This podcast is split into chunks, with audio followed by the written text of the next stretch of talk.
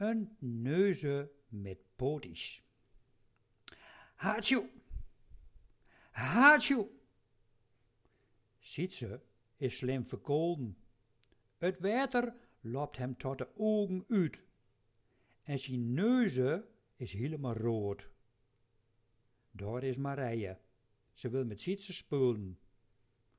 Kom er maar in, zegt mem.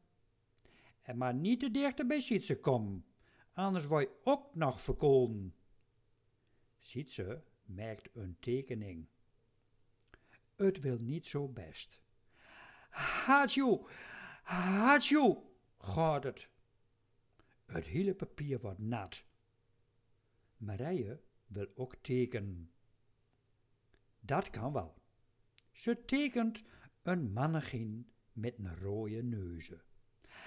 Hatsjoe, dat ziet ze weer. Je neuze loopt, zegt mem, en ze geeft hem een grote buisdoek. Ziet ze, doet het als een olifant. Wat merk je, Marije?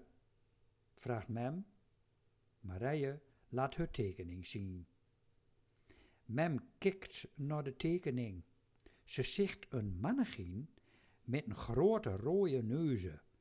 En aan die neuze zitten twee poties. Gek hoor, zegt ze. Wie het nou een neuze met poties? Ie, zegt Marije. Haatjoe. Ik, hè? vraagt Sietse. Ja, ie, zegt Marije. Jo neuze loopt ommers. Dat het je mem krek zegt. Die Marije, zegt mem. Sietse mag de tekening holen. En als Marije verkolen wordt, dan tekent hij ook een neuze met twee poties.